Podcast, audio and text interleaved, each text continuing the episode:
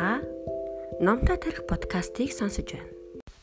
Та охинтой бол заавал уншаарай номын 3 дугаар бүлэг. Хамгийн сайхан нь охтын ээлдэг дүлгөөн зан юм. Охин хүүхдийн давтагдшгүй төр төрхийг бий болго. Эмэгтэй хүүхдийн гадаад үзэмж 100 түмийн үнэтэй гэдэг эртний үг бий. Энэ өгүүлбэрт өчүүхэн төдийч буруу зүйл байхгүй. Эмэгтэй хүүхдийн хувьд царай зүс гэдэг бол хамгийн чухал. Энэ нь зөвхөн охтын нийгмийн харилцаанд өөртөө итгэх итгэлийг төрүүлээ зогсохгүй. Ирээдүйд охтын ураг барилдах амьдралд ч нөлөөлдөг байна. Охин хүүхдийг өсгөхөд мөнгө нарийж болохгүй. Царай зүс зан чанарт нь толгоон оройноос хөлийн үзүр хүртэл нарийн анхаарал тавих хэрэгтэй. Хэдийгээр бид охиддоо дэлхийн ертөнцийг сүгдүүлсэн гоо үзэсгэлэн өгөх хэцүү ч гэсэн охиндоо өв тэгш зан чанартай, цэцэг мэд үсгэлэнтэй, олноос онцгойрсон эрдэм чадaltaй болгон хүмүүжүүлэх боломжтой. Гэвч охин хүүхдийн тухайд царай зүс бол хамгийн чухал асуудал байдаг. Зөвхөн царай зүсэнд нь илүү анхаарал байвал дотоод мөн чанар гоо сайхныг нь үгүй хийдэг. Бид огтоо өөрийнхөө царай зүсэнд итгэлтэй, сэтгэл хангалуун болох хэрэгтэй ч бүх талаараа өөртөө итгэлтэй болох нь илүү чухал байдаг. Сэтгэл зүйч Монтескью эмэгтэй хүн нэг л арга хэрэглэж сайхан болдог. Харин хэдэн мянган арга хэрэглэж илүү хөөрхөн болдогоо гэж хэлсэн байдаг. Эмэгтэйчүүдийн гоо сайхан гэдэг дангаараа зүйл биш, механик зүйлч биш. Олон эцэг эхчүүд зөвхөн огтынхоо царай зүс, гойлог бие хаанд бүхий л анхаарлаа хандуулж түүний төлөө зүтгэдэг.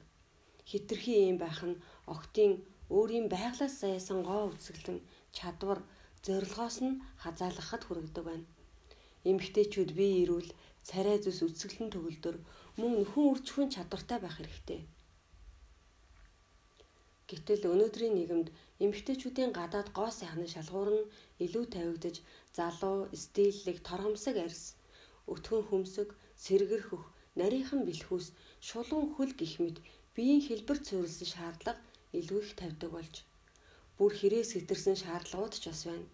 Бид хизээч хөлсөө гожуулж болохгүй, нүүрэндээ ямар ч өөсөвгүй, өвчлөөтж хөгшөрч болохгүй, бүр сарын тэмдэгч ирж болохгүй.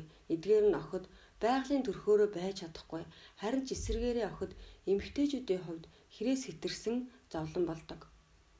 Хүний эцэг их болсон хүн хизээч охиноо өөрийгөө тамлан зовоосон түүнээсээ гарч чадахгүй тийм зовлонд оруулж болохгүй.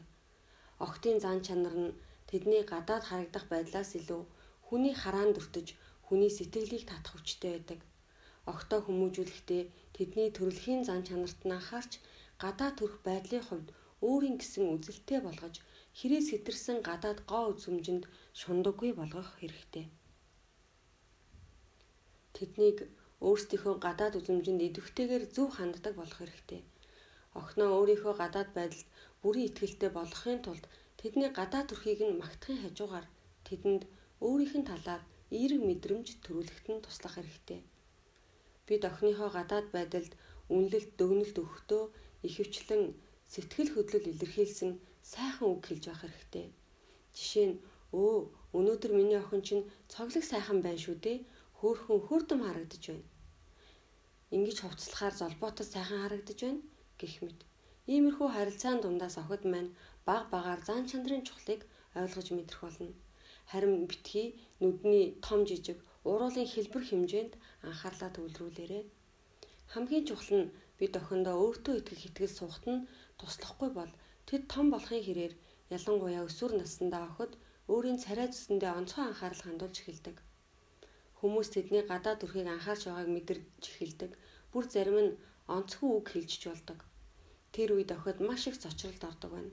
Тэд тухайн цаг үедээ модонд байгаа тэрл стандартаар өөртөө үнэлэлт дөгнөлт өгч нийгэмд байгаа тэр шаардлагыг хангах гэж оролддог юм. Сургамжит түүх. Чин чин нэгч сайн найз байхгүй. Учир нь тэр хитрхи царай муутай. Бүх хүмүүс түүнд дургүй. Өөрийгөө хитрхи царай муутай гэж боддог.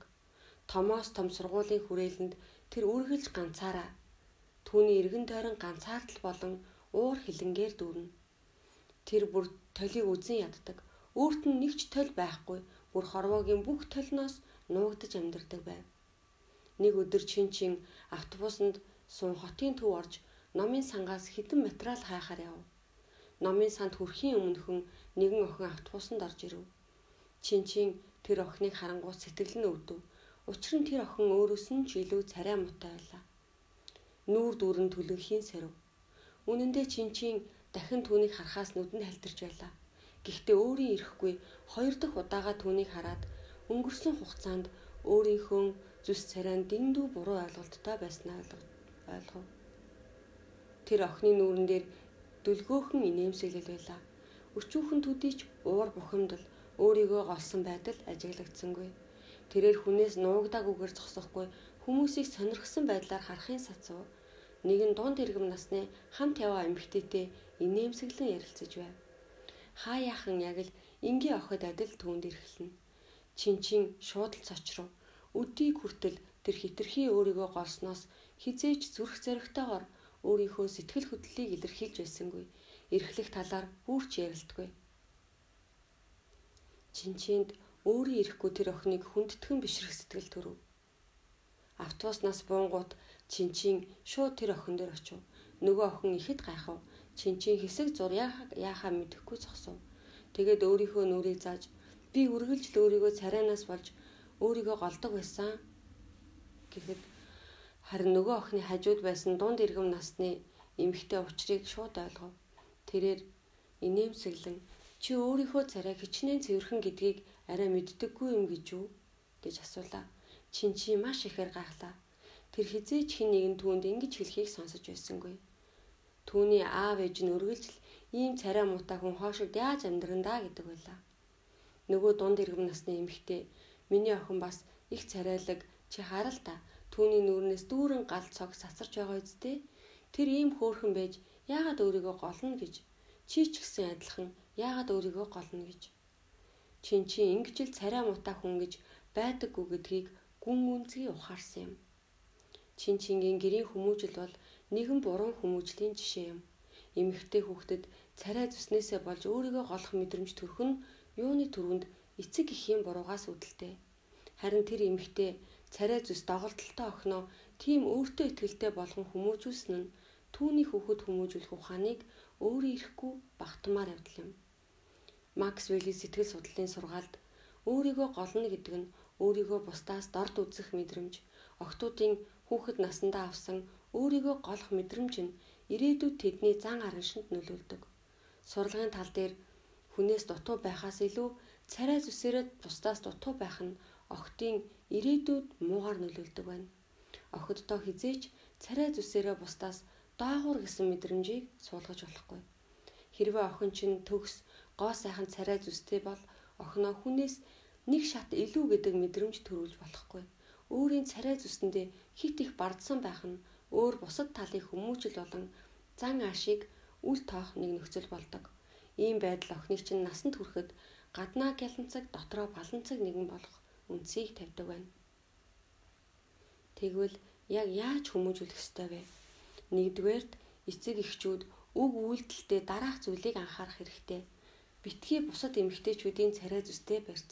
Хэрвээ бид ингэж хүмүүжүүлбэл бүх эмэгтэй хүмүүс царайлаг байх хэрэгтэй гэсэн үзэл суух болно. Дан ганц гадаад үзмжин дээр гол анхаарлыг төвлөрүүлж хандах нь буруу явдал юм. Охиныхоо царай зүсийг муулах, хошигнох, эсвэл хитрхи магтан сайшаах хэрэггүй. Хэрвээ та охиноо хамарч нь хитрхи том, бэлхүүс чинь бүдүүн гэх мэт үг хэлбэл эцэст нь охин тань биеийн тэр хэсгээ үзий яддаг болдог байна. Үргэлж охиныхоо бусад авьяас болон амжилтыг магтаж бай охиноо баг байхад нь түнд чийл өөрийгөө гоо сайхныг бий болгодогоо гэдгийг ойлгуул. Октоо сурлагын дүнгээр нь тэмцээн уралдаанд орсон амжилтаар нь гэрийн ажил тус болсноор нь байнга магтаж явах хэрэгтэй. Хэрвээ тэр бүхэл чадлаа шавхан байж ямар нэгэн зүйл хийгээд тэр нь бүтлгүүтлвэл түүнийг гаргасан хичээл чармаалтыг нь сайшаан магтах хэрэгтэй. Эцэг эхчүүд баримтлал зохих ёс дүрмээ тууштай баримтлах хэрэгтэй. Охид чинь эрүүл бус зүгт хөгжөөд буруу зүйл хийгээд ирвэл буруу талыг нь хэлж өгөхдөө охиноо хүндэтгэж байгаа ч түүний бүх зүйлийг нь хүлээн зөвшөөрч болохгүй гэдгийг ойлгох ёстой. Бүх зүйлийг тодорхой хэм хэмжээнд барьж байх нь чухал. Охиноо хизээд өөртөө ихтгэлтэй байж хин нэгний санал дүгнэлтийн араас хөөцөлдөх нь утгагүй гэдгийг ойлгов. Өөрийнхөө царай зүсэн сэтгэл хангалуун байдаг охтын өөртөө итгэх итгэл зарим нэг зөвхөн сайхан царайны төлөө өхөн хатдаг охтоос хамаагүй илүү байдаг. Эцэг эхчүүд хүүхдүүдтэй царайлаг байна гэдэг 100% өөртөө ихтгэлтэй байх хүчин зүйл биш. Харин зайлшгүй шаардлагатай бусад мэдлэг чадвараа хөгжүүлэх нь чухал гэдгийг ойлгох нь зүйтэй. Байчи бол төрөлхийн хөрхөө охин бүхэл хүмүүс түүний сайхныг магтана. Энэ байдлаас үүдэн тэр бүхэл оюун санаагаа өөрийнхөө гоо үзэсгэлэнд төвлөрүүлсэн. Хамгаас сайхан байхын тулд бусдын магтаал сайшаалыг хүртэхийн тулд үргэлжил өөрийнхөө гадаад үзмжинд анхаарч гойж гоодно. Мэдээж давааны цаан даваа бий. Тэр байнга л бусадтай царай зүсээ харьцуулж өрсөлдөн өөрийгөө эцэс төгсгөлгүй зовоодог хүүхдээ хүмүүжүүлж байгаа эцэг эхчүүд хизээч өгтөө ийм байдалд оруулж болохгүй. 3 дугаар бүлгийн 2 дугаар хэсэг сайхан зан чанарын үндэс нь соёлтой зөв боловсон бие авч явахад оршино. Өнөөгийн нийгэмд хүн бүрийн амьдрал, зан чанар олон янзын хэм маягтай. Охин амьдралын олон тэмцэл, өрсөлдөөн дунд өөрийн өнгө төрхөө алдахгүй байхыг зад сургаарай. Мейлан бол эрдөөч гойж гоодох дургүй охин. Үсээ богинохон халимаг засуулж хөвгүүдийн дунд орж хаяахан бас өдүүлэг үг чиргэлнэ.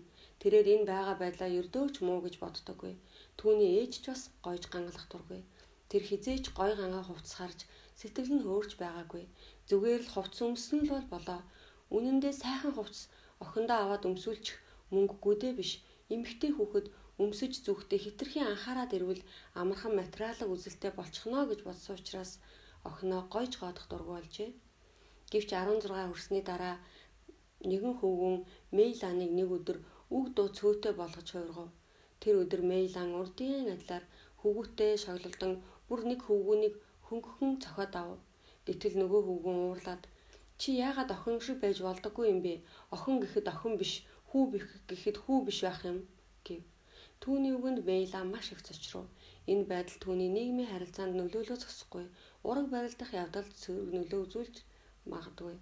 Тиймээс охиндоо найз нөхдийнхөө дунд, бусдын дунд бие яаж авч явах соёлыг зааж сурах хэрэгтэй.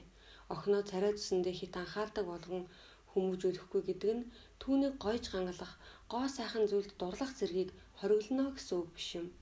Охиноо толны өмнө эргэлдэн цагаа үрж хувцлалтандаа сэтгэл гаргахад эцэг эхчүүд та нар уурлаж сандрах хэрэггүй. Харин охиндоо өөрийгөө бий болгоход нь тусалж дэмжих хэрэгтэй. Гадаад үзмжээс эхлээд дотоод сэтгэл өөрийгөө мэдрэх мэдрэмж нь бий болж эхэлдэг. Энэ нь өөртөө итгэх итгэлийн нэг хэсэг юм.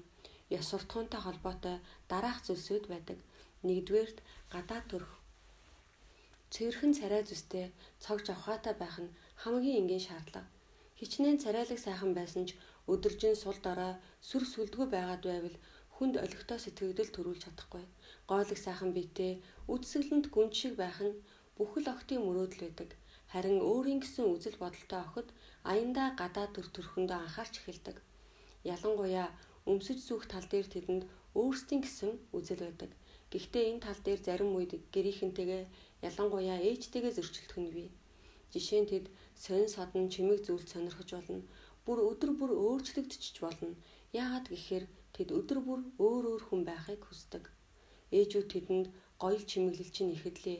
Будагч нь зузаан байна гэж хэлэх инүүхэнд байдаг. Хэрвээ таны охин ингэж гоёх сонирхолтой байвал тэднийг хориглох хэрэггүй.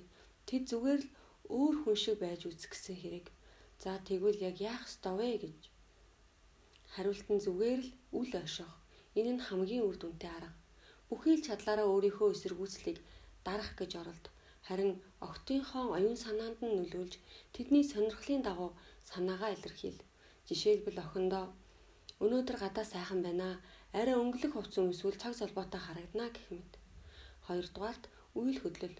Эртний хүмүүс үйл хөдлөлийг дөрслөхтэй зогсох нь нарс мэт, хөдлөх нь салхи мэт, суух нь хонх мэт, хөвтөх нь ном мэт гэж дүрсэлсэн байдаг.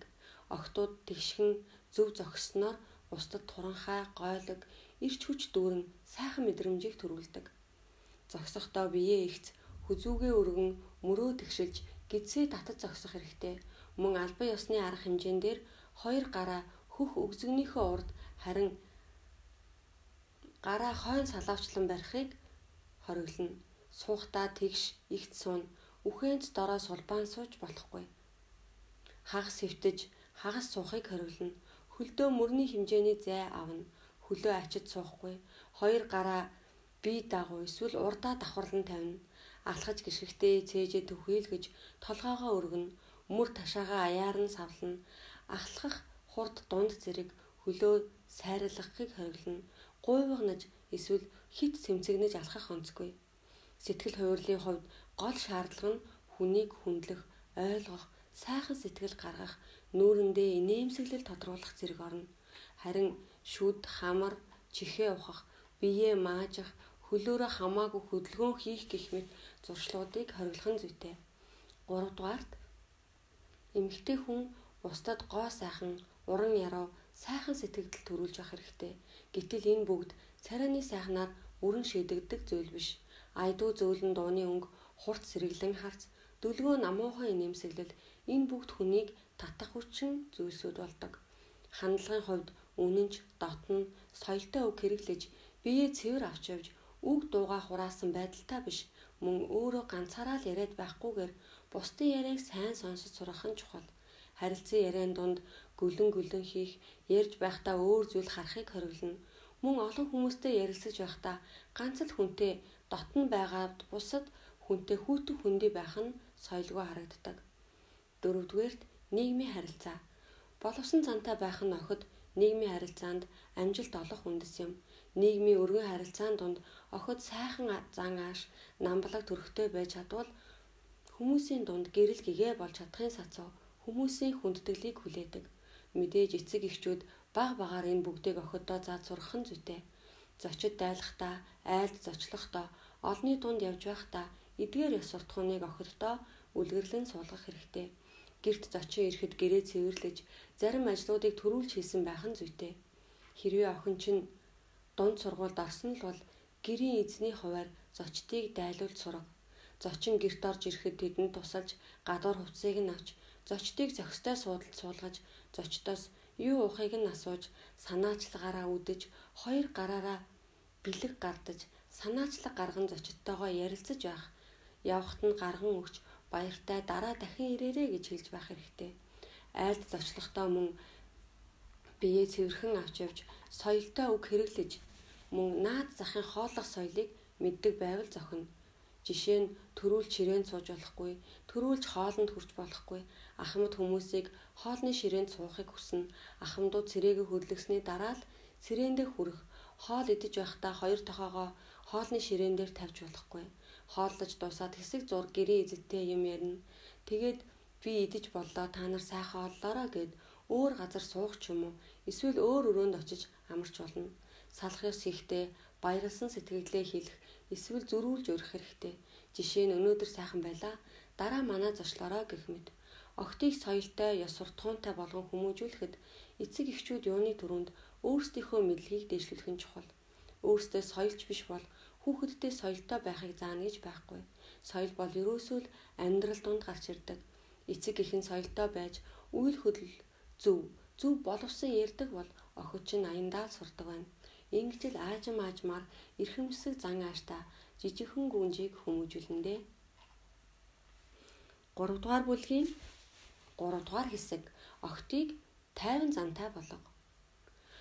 Охтын тайван зан аргашинг амархан бий болгодог зүйл биш юм. Охид хүмүүжүүлэхдээ энэ тал дээр хүч зарах хэрэгтэй байдаг. Юуны түрүүнд охтын ичимхий занг үгүй хийх тэдний илүү хатуу чанга болгож янз бүрийн амьдрал үзүүл амьдрал үзэж ухаан сухын хэрээр тэд өөрсдөө ийм онцгой зантай болдог. Хэдийгээр хүмүүс ирчүүдэд тавих хамгийн сайн шалгуур нь аюул тохиолдоход айхгүй, асуудал тулгархад сандрахгүй, тайван тогтун зантай байхыг шаарддаг боловч энэ зан огтод бас дутаж болохгүй. Огтын хувьд ийм занг төлөвшүүлж өгөх нь тэдний хувьд хамгийн үнэтэй эд хөрөнгө гэж хэлж болно. Иймээс охин хүүхдээ хүмүүжүүлэхдээ идэх санаачлалтайгаар тэдэнд тайван зантай болоход нь заавал туслаарай. Тайван зан чанар нь сагсуу боломж зан гаргахгүй, омог сүрээр бусдыг далайлгахгүй, тааламжгүй байдалд айж зориг мохохгүй, уруу царайлж унжихгүй, тансаг зүйл ташуурахгүй, хэрэг сэтэрсэн зүйл давтахгүй байх зэрэг орно. Эртний үгэнд сэтгэл хөдлөлөө нүүрэн дээрээ гаргадаггүй хүн жанжин болоход тохиромжтой гэдэг үүний адил охид альва харилцаанд тайван тогтун хандаж олон хүний хайр хүндэтгэлийг хүлээдэг болдог. Мэдээж юу ч болж байсан тайван байх нь хиндэж хэцүү зүйл ялангуяа эмзэг төрхөн охтод үрч хэцүү. Хэцүү гэд хүрч чадахгүй гэсэн үг биш. Эцэг эхчүүд л хүчин чармаалт гаргаж чадвал болж бүтэхгүй зүйл огтоос биш.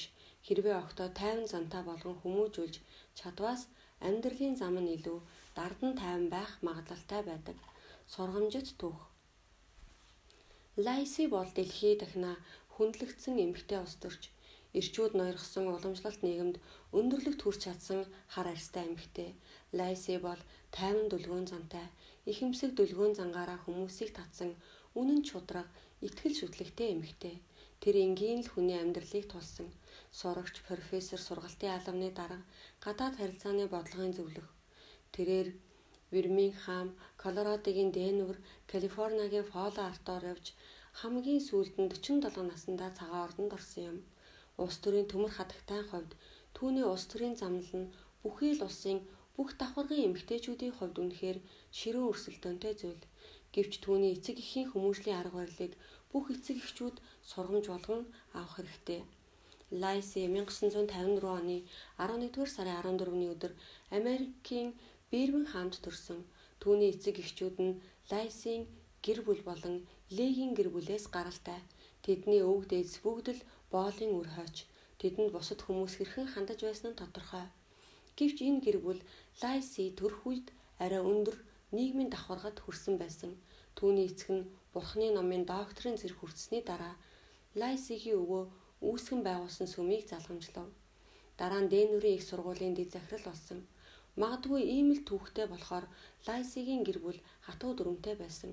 Тэд хүүхдүүддээ цагаан арьс хүүхдүүдээс хоёр дахин илүү хөдөлмөрлөж байж л тэдэнтэй адил амжилтыг гаргаж тэднээс хоёр шат илүү байж хүнээс илүү амьдрнаа гэж хүмүүжүүлсэн. Энэ нь Лайсигийн эцэг эхчүүд охиндоо заасан анхны хичээл юм. Хичнээн ийм нийгмийн байр суурьтай ч хар арьстай л болохоор Лайси мөн л арьс өнгөний үзлээр ялгаруулан гадуурхагддаг байсан. Бараг л өдөр бүр л энэ арьс өнгөөр ялгуурлах үзлийн золиос болно. Харин эцэг эхчүүд нь арга буюу түүнийг энэ тал дээр хамгаална. Энэ байдал Лайсид бүр багасаа л цагаан арьснуудаас болгоомжлох үзэл суулгасан. Бага насныхаа арьс өнгөөр ялгарлуулдаг байсан түүхийг ярих болгондоо Лайси түүний ээж нь их хүчтэй хамгаалагч байсан гэж дурсдаг. Түүний ээж нь маш зөрөгтэй эсэргүүцэгч мөн их тайван дүлгөөн хүн байв. Тэрээр номхон дүлгөөн ирч хүчтэй өөрийн нэр хүндийг чадлаараа хамгаалахын сацуу хар арьст хүмүүсийн дүр төрхийг мөн сахин хамгаалсан. Лайсигийн хувьд ээж нь түүний баатар төдийгүй бахархал нь байлаа. Лайси өсөж том болох явцдаа хэдийгээр их дарамттай байсан ч гэсэн тэр маш хатуу чанга ирч хүчтэй байсан төдийгүй тайван занг эрхэмэлдэг нэгэн байв. Энэ мэд бусдын адилгүй амьдралыг туулсан ч тэрээр тун тайван зантай байдаг байсан. Өөрийн мөрөөдөж байсан төгөлдөр хуурч болох хүслээ орхин улс төрч болсон. Энэ хугацаанд мөн л маш олон бэрхшээл тохиолдсон ч урдын адил давж тайван төвчээртэй зангаараа туулсан юм. Энэ нь түүний эцэг эхийн л сайн хүмүүжүүлсний ач гавья. Ялагдал зовлон зүдгүүр үдсэн хүүхэд хизээж бусдаас илүү энэ хорвоог ойлгодог байна. Тэд өөрчлөлтийг ойлгодог. Өөрчлөлтөнд хариу үйлдэл үзүүл сурдаг. Мөн өөрчлөгдөж буй хорвоод тасралтгүйгээр урагшиж чаддаг. Өөртөө хамааралтай байр суурийг олж чаддаг. Энэ бол лайсиг амжилтанд хүргэсэн нэгэн хүчин зүйл. Эцэг эхчүүд бид октийнхоо нүдийг нэхэн чухал. Юм үзэж нүд тайлсан хүн харамч давчуу дотортой болдоггүй. Тэдэнд хорглоо тоосон жижиг хотын иргэний сэтгэл зүй байхгүй болдог. Бүхий л асуудалд хүлцэнгүй хандаж, шаардлагатай зүйлдээ анхаарал хандуулж, баяртай зүйл тохиолдоход бардамнаж өнгөрөхгүй, хэцүү үед сэтгэлээр унахгүй болдог. Энэ тал дээр өмнө нь хангалттай ирсэн. Эцэг эхчүүд нь октоо тодорхой хэмжээнд амьдрал үзүүлж туршлах суулгаснаар тэдэнд гинтийн хэцүү зүйл тохиолдоход даваад гарах чадвартай болгодог. Иймээс октыг хүмүүжүүлэхдээ тэднийг зөгийн балны савнд хийсний хэрэггүй. Харин янз бүрийн халуун тогоонд хийж туршлах суулгах хэрэгтэй. Яг л сүм үг хүн их эзний 8 халуун тогоонд орсны дараа бэлгийн мэлмийн нэгдсэн шиг. Бидний охид мөн л олон зүйлийн цохилтыг авч байж өөрсдөө олон зүйлийг ойлгож тайван замтай болдог. Японы сургууль хүмүүжүүлэгч Тао Чуан Сун бид хүүхдээ зовлон бэрхшээлтэй тулгарахдаа зөрөгтэй тайван байж чаддаг болгон хүмүүжүүлэх хэрэгтэй. Хэрвээ хүн зөвхөн зовлон бэрхшээл дундал хатууждаг гэдгийг ойлговол унсан ч амархан босож урагшилж чаддаг болдог. Ийм амьдралыг ойлгосон хүүхэд хизээч амьдрал зөвхөхгүй гэж хэлсэн байдаг. Хүүхэд хүмүүжүүлнэ гэдэг нь тэднийг материалын зүйлээр хангалттай хангаж амьдралыг нь санаан зоргоор байлгана гэсэн үг ш. Хүлэмжийн цэцэг салхин цохиулахаас айдаг гэдгийг сана. Хүний амьдралд хаа сайгүй аадар бороо ордог.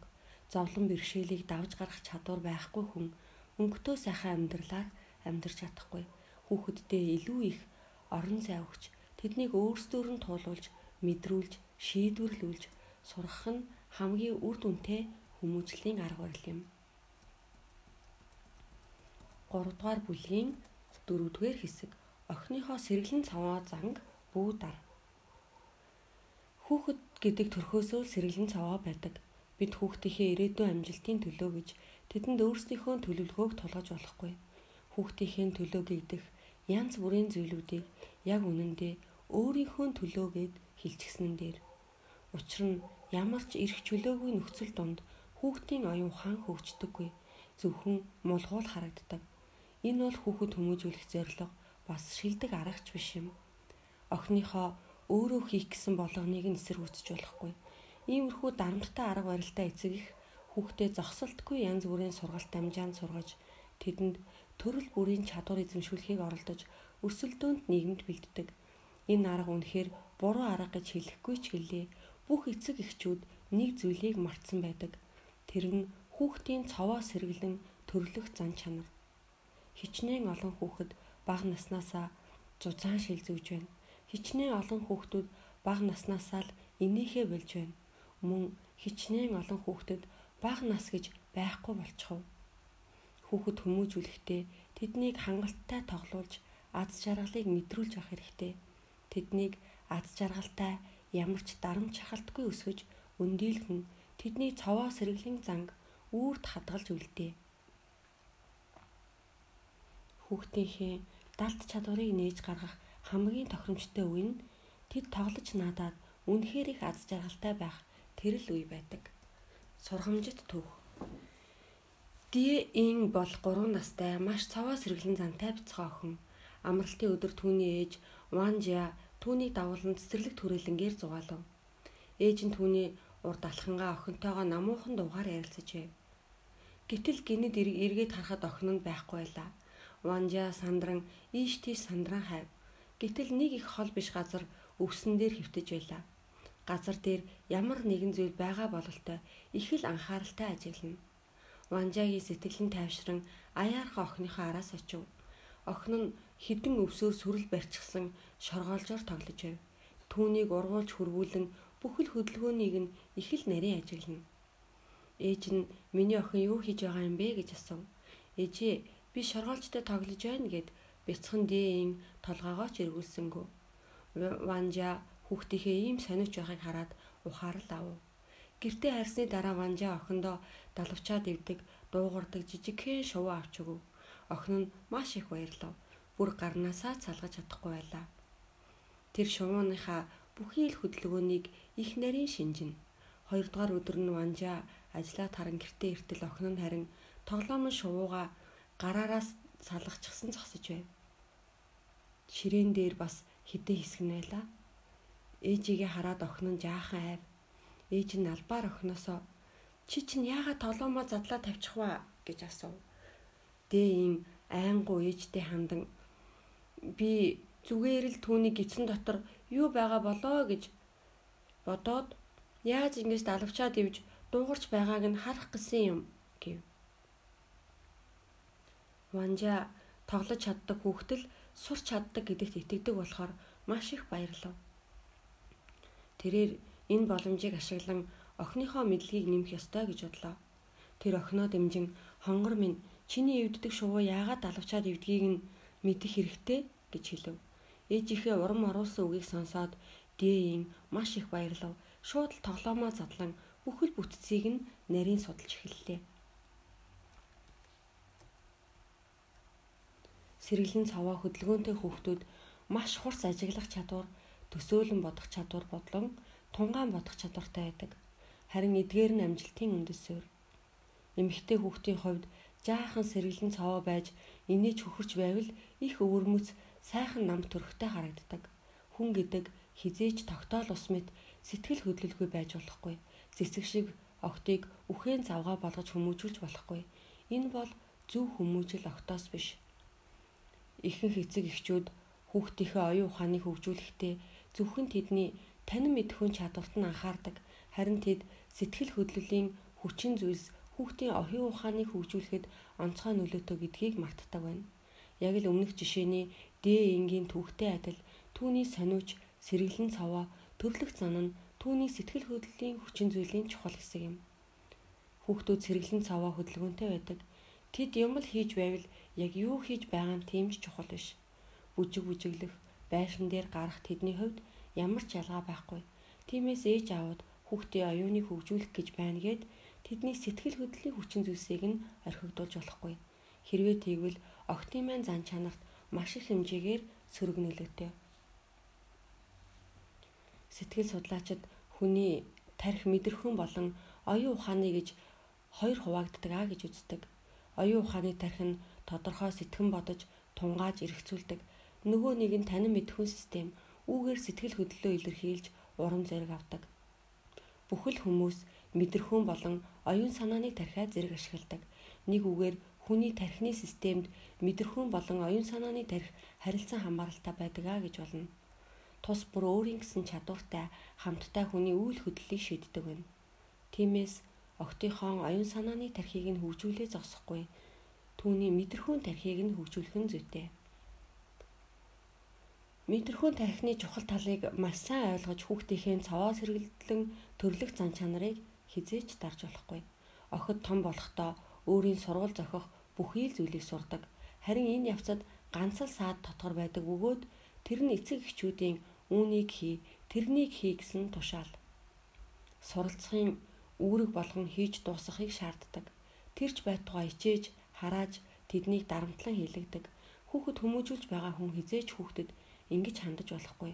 Үүний үр дүнд хүүхэд сурахыг үзэн яддаг болохын сацуу өөрийн зан чанараа алдахад хүрдэг. Ийм хүүхдүүд чулуу шиг хөшүүн, замбраагүй, удаан нэгэн болж хуурах нь их байдаг. Бид хүүхдийнхээ бүхий л хүсэл зорилгыг няцаагаад байж болохгүй тэдэнд өөрсдийн эрх чөлөөг нь олох хэрэгтэй. Тэдний өдөр тутам тоглон наадаж буй тоглоом тэдний жинхэнэ сонирхол болж хувирдаг. Учир нь тэд тоглож байхдаа өөрийн дураар байдаг байна. Тэд өөрийнхөө биш мэдрэмжийг мэдрэх юм бол шууд л тэр зүйлийг хайж өөр зүйл хийхээр явдаг.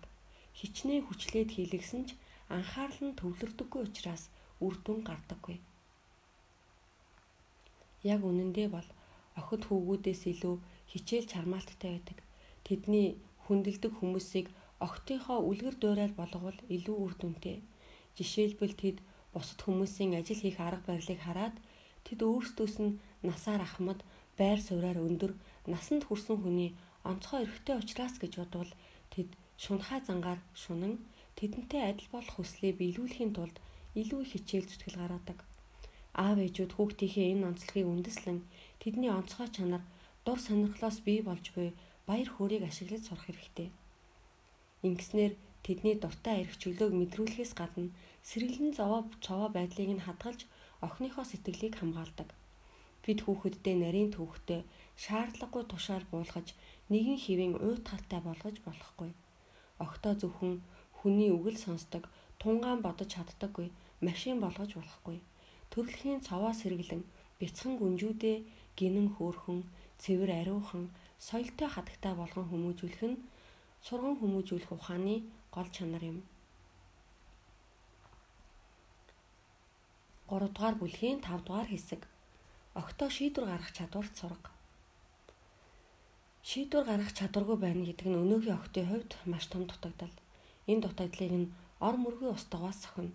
Бид огтоо багаас нь өөрийн гэсэн үзэл бодолтой болгож ямар ч асуудал дээр том хүний захиргааталтаар асуудлыг шийддэг болгож болохгүй. Мэдээж ийм үзэл бас хитрхи хийсвэрэж болохгүй. Эс бөгөөс тэднийг нэг туйл руу нь хандуулж дураараа болох аюултай. Хамгийн чухал нь бид огтоо ямар ч асуудлыг хамгийн зөв ашигтайгаар шийдэж сурахт нь л туслах хэрэгтэй. Шийдвэр гаргах чадваргүй хүн хүний амьдралын сайхан боломжийг шүүрээд авч чаддаггүй. Хичнээн сайхан боломж болцоо байсан хэдий ч үргэлж түүнийг алдан явуулдаг байна. Сургамжит түүх. Нэгэн Америк охин байж л дээ. Тэдний гэр дэндүү ядуу. Ээж нь охиноо бүжгийн гоц авьяастайг анзаараад хураасаар байж сургалтын төлбөр бүрдүүлээд түүнийг амжилтын замыг нь олуулахаар бүжгийн сургалт сургуульд оруулав. Харин охин нь 3 удаа очиод л дахин очихыг хүссэнгүй. Ээж нь маш их гайхаа охиноосоо очрыг асуув. Охин нь маш хариуцлагатайгаар "Ээжээ, тэр хөлийн үлми дээр бүжгэлдэг бүжиг үнэхээр муухай харагдаж байна. Миний биед үнэндээ зохихгүй" гэв. Ээж нь охиноо бүжигт маш өндөр түвшний бодолтой байдаг аа гэдгийг ойлгов. Гэвч охиных нь үзэл зөв үү буруу юу? Энэ залхуурсандаа хэлж байгаа үг биш үү гэж эргэлзэв. Тэрээр сургалтын төлбөрт амьдрах зарлаасаа баггүйг төлсөн тул охиноо их л нэхур харав. Ээжигээ зөвшөөрөхгүй байгааг хараад охин үргэлжлүүлэн ярьж чадсангүй. Тэр ээжигээ өөрийнх нь төлөө хичнээн хүс хүчээ шавхсныг мэдэж байгаа тул дахин бодсны эцэст ээжтэй ээжээ энэ төрлийн бүжиг санаан зоргоор зүйл биш ээ. Эрдөөч миний бүжиглэхийг хүссэн бүжиг биш Би өөрийнхөөрөө бүжиглэхийг хүсэж байна гэлээ. Ээж нь харин охиныхоо тайлбарлахыг сонсоод түүнийг зэмлээгүйгээр барахгүй бүр магтав. Ээж нь ээж нь юу ч хэлэхгүй. Нэгэн л чи өөрөө болоод өөрөө бодсон ийм тодорхой шийдвэр гаргасан байна. Тэгэхээр ээж нь охиныхоо үзэл бодлыг хүндэтгнэ. Хэрвээ чиний өөрийн бүжгэл чамааг илэрхийлж чадна гэж бодож байвал зөрөгтэй түүнийгээ бүжгэл гэв. Охин урлагийн мөн чанарыг ойлгоод зогсохгүй. Хүний амьдралын мөн чанарыг ч бас ойлгов. Ээжийнхээ дэмжлэгийг олсон охин илүү их урам зоригтойгоор өөрийн арга барилаар бүжиглэж эхлэв. Тэрээр өөрийн эрх чөлөөтэй, эрхэмсэг, романтик, амьдралын эрч хүчээр дүүрэн бүжгийн хэлбэрээр эртний хэв загварыг үгүй хийж олон түмний оргилсон сэтгэл болон хайр сэтгэлдлийг ориглуулж байлаа. Тэр уламжлалт балетаас тис өөр бүжгийн сургуулийг нэв. Тэр бол дэлхийн орчин үеийн бүжгийн их гэж соллогдсон Исадора Дунсан юм. Хүүхэд хүмүүжүүлэхэд мэдээж хүүхдэд жаахан дүрм журм зааж сурах хэрэгтэй. Гэвч хүүхдийг хитрхи шат дараалалтай болгож болохгүй. Ийм хүүхдүүд ерөөсөө ч эцэг их нь алгаараа удирддаг машин болоод л хуурчдаг. Үрд өөрийн гэсэн үзэл бодолгүй шийдвэр гаргах чадваргүй нэгэн болдог. Энэхүү ном шийдвэр гаргах чадварыг заавал байх хэрэгтэй зан чанараа гэж тодорхойлж байна. Учир нь шийдвэр гаргах чадвар гэдэг бол нэгэн төрлийн сэргэг ухамсар түүнд даван гарах увдис бий. Зөв шийдвэр өгтийг занган дунахаас сэргийлж тэднийг илүү чадварлаг харагдуулдаг байна. Эцэг эхчүүд охиноо хэрхэн яаж шийдвэр гаргах чадварт суралцуулах вэ? Юуны төрөнд шийдвэр гаргах чадвар гэдгийг тайлбарлая. Шийдвэр гаргах чадвар гэдэг нь эрс шийдэмгий байхыг хэлнэ. Гэвч энэ нь шийдвэр гүжрэмэг бус шийдэмгий байх хэрэгтэй. Дайрч давшилсан, хүчилсэн бус байна. Дайрч давшилсан шинж нь шийдвэр гаргалтын хэлбэртэй байдаг. Хэрвээ хүүхдэд бүхэлд нь задлан шинжлэх үйл явц ердөөч байхгүй бол тохиромжтой учир шалтгааныг гаргаж ирж чаддаггүй. Тиймээс түүний шийдвэр гаргалт нь дайрч давшилсан шинжтэй болдог илэрч байгаа байдал нь дураараа бүдүүлэг байдаг. Харин хүүхэд том болоод бүдүүлэг ярддаг төрөмгийн нэгэн болох магадлалтай юм. Хүүхдээ хүчилсэн шинжээр харьцаж харгас зангаар номхотдог бол өөрийн гэсэн үзэл бодол байхгүй. Эцэг их юу хийн трийг дургуйч гэсэн айж хийдэг дотоод сэтгэл нь сул дараа болдог. Хүүхдийн шийдвэр гаргах чадварыг хөгжүүлэхдээ эцэг эхчүүд бид хүмүүжүүлэх арга барилаа амьдралын нарийн ширийн зүйлтэй холбон өгч явах хэрэгтэй. Хүүхдээсээ үе үе аман шалгалт авч байхад гэмгүй. Асуудалд хариу үйлдэл гаргуул сурга. Энэ бол хамгийн их нөлөөтэй арга. Мөн төсөөллийн амьдрал дээр гурван хүний хилцүүлэг хийгээд хамгийн сайн хэлбэрийг нь сонгож олно. Жишээ нь ээж хүүхэддээ зузаан хувцлаарай. Гадаа сэрүүтэр байна гэж хэлнэ. Хүүхэд нь ингэж хариулна. Ядаргаатай юм. Та дандаа л намайг зузаан хувцлгийж байх юм. Харин зарим хүүхдүүд ээжээ би өнөөдөр гадаа тийм ч их хүүтэн байна гэж бодохгүй байна. Бас бид өнөөдөр ажилтаа тиймээс зузаан хувцлаж болохгүй. Бас нэг хэсэг нь юу ч дуурахгүй өмсөд гарна. Иймэрхүү зүйл айл герт их тохиолддог. Ихэнх тохиолдолд хүүхдүүд эхний хариултаар хариулах нь илбэг. Бодит байдлаар харахад энэ арга нь давшилсан шинж чанартай байна.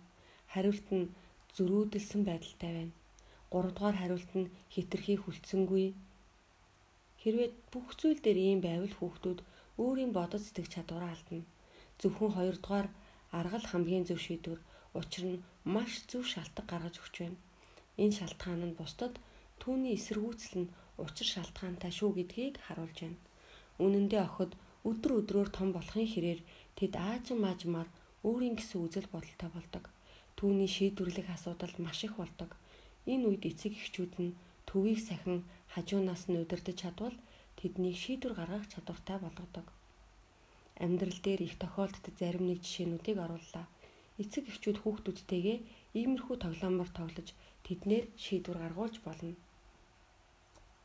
Жишээ нь хэрвээ охины хамгийн сайн найз нь түүний нэг ч удаа өмсөөгүй байгаа ролькийг гуйвал яах вэ? Ямар хариулт өгөх нь зөв бэ? Аав нь охиноосоо машин угаахад туслаач гин. Гэвч охин нь маргааш маш чухал шалгалттай.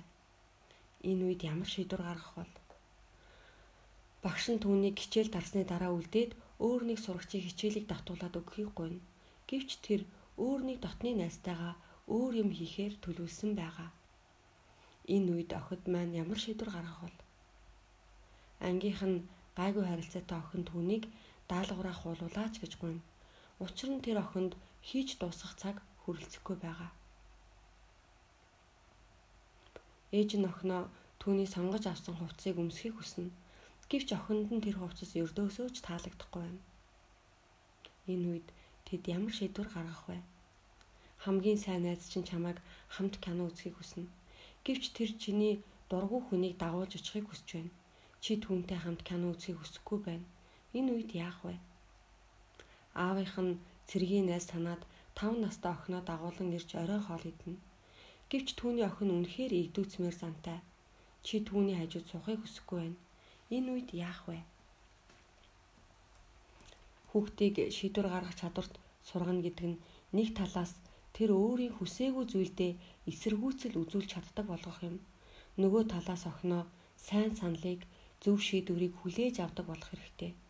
Ингэж сургаснаар түүний шийдвэр гаргалт нь шудраг хамгийн зөв байж чадна.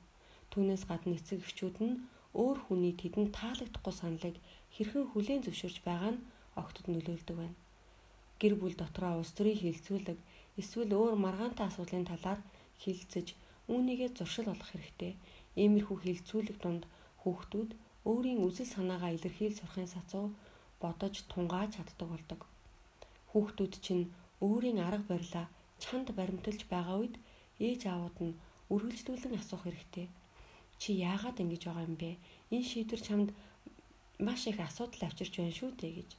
Энэ мэд тэдний шийдвэрийг сайн сонсож яагаад ингэх болсныг нь асууж мөн тогтоон идэвхтэй хандлагыг заавал хадгалжүүлэх хэрэгтэй байдаг. Өөрийнхөө арга барилаар үргэлжлүүлэн хийхэд нь дэмжлэг туслалцаа үзүүлж урамшуулах хэрэгтэй. Охтын хувьд тэд өөрсдийнхөө шийдвэрийг гаргасан л бол илүү сайн хийхийг хүсдэг. Харин хэн нэгэн дургуйцаж эсэргүүцэх бүр урдаасаа ус цацуулах бүрч дургүй юм. Мэдээж хүүхдийн нас бага тэдний бодол шийдвэр үргэлжил баг сах чатууга алдаатай байдаг. Энэ үед эцэг эхчүүд засах гэж яарах хэрэггүй. Зарим нэг шийдвэрийг хүүхдүүд өөрийн биеэр шалгаж үзэх хэрэгтэй. Ийм сэтгэгдэл тэднийг та нарын үзэл бодлыг хүлээн авахд илүү дөхөн болгодог. Зарим үед октоо жаахан нийгмийн чанартай асуудлыг сонирхож хардаг болов. Жишээ нь ажилгүйдэл, гендерийн асуудал, нийгмийн тэгш ус байдал, ёс зүйн байдал, санаа бодлоо илэрхийлэх эсвэл ямар нэгэн зүйлийг хийхийг зөвл. Энэ нь охтын өөртөө итгэх итгэл болон шийдвэр гаргалтын чадварыг ахиулахад маш их нөлөөтэй. Хүүхэд бага болохоор зарим асуудалд өөрийн гэсэн үзэлгүй байгаа гэж итгэе одоорой. Харин бүр эсэргээр таал түүнийг яриулбал түүний ярьж байгаа болгоно нь яс зүйтэй байдаг. Хэдийгээр бид эмгтэй Мортон Баатар хүмүүжүүлэх албагүй ч гэлээ охиныхоо толгойд өөрийн гэсэн үзэл суулгах хэрэгтэй. Тэгж байж л хүсэл мөрөөдлийнхөө хойноос зүтгэх хүчтэй болно. Ийм байж л охид зөвхөн хин нэгэнд найдсан сул дараа нэгэн болохгүй байна. Та Номтой тарих подкастыг сонсож байна.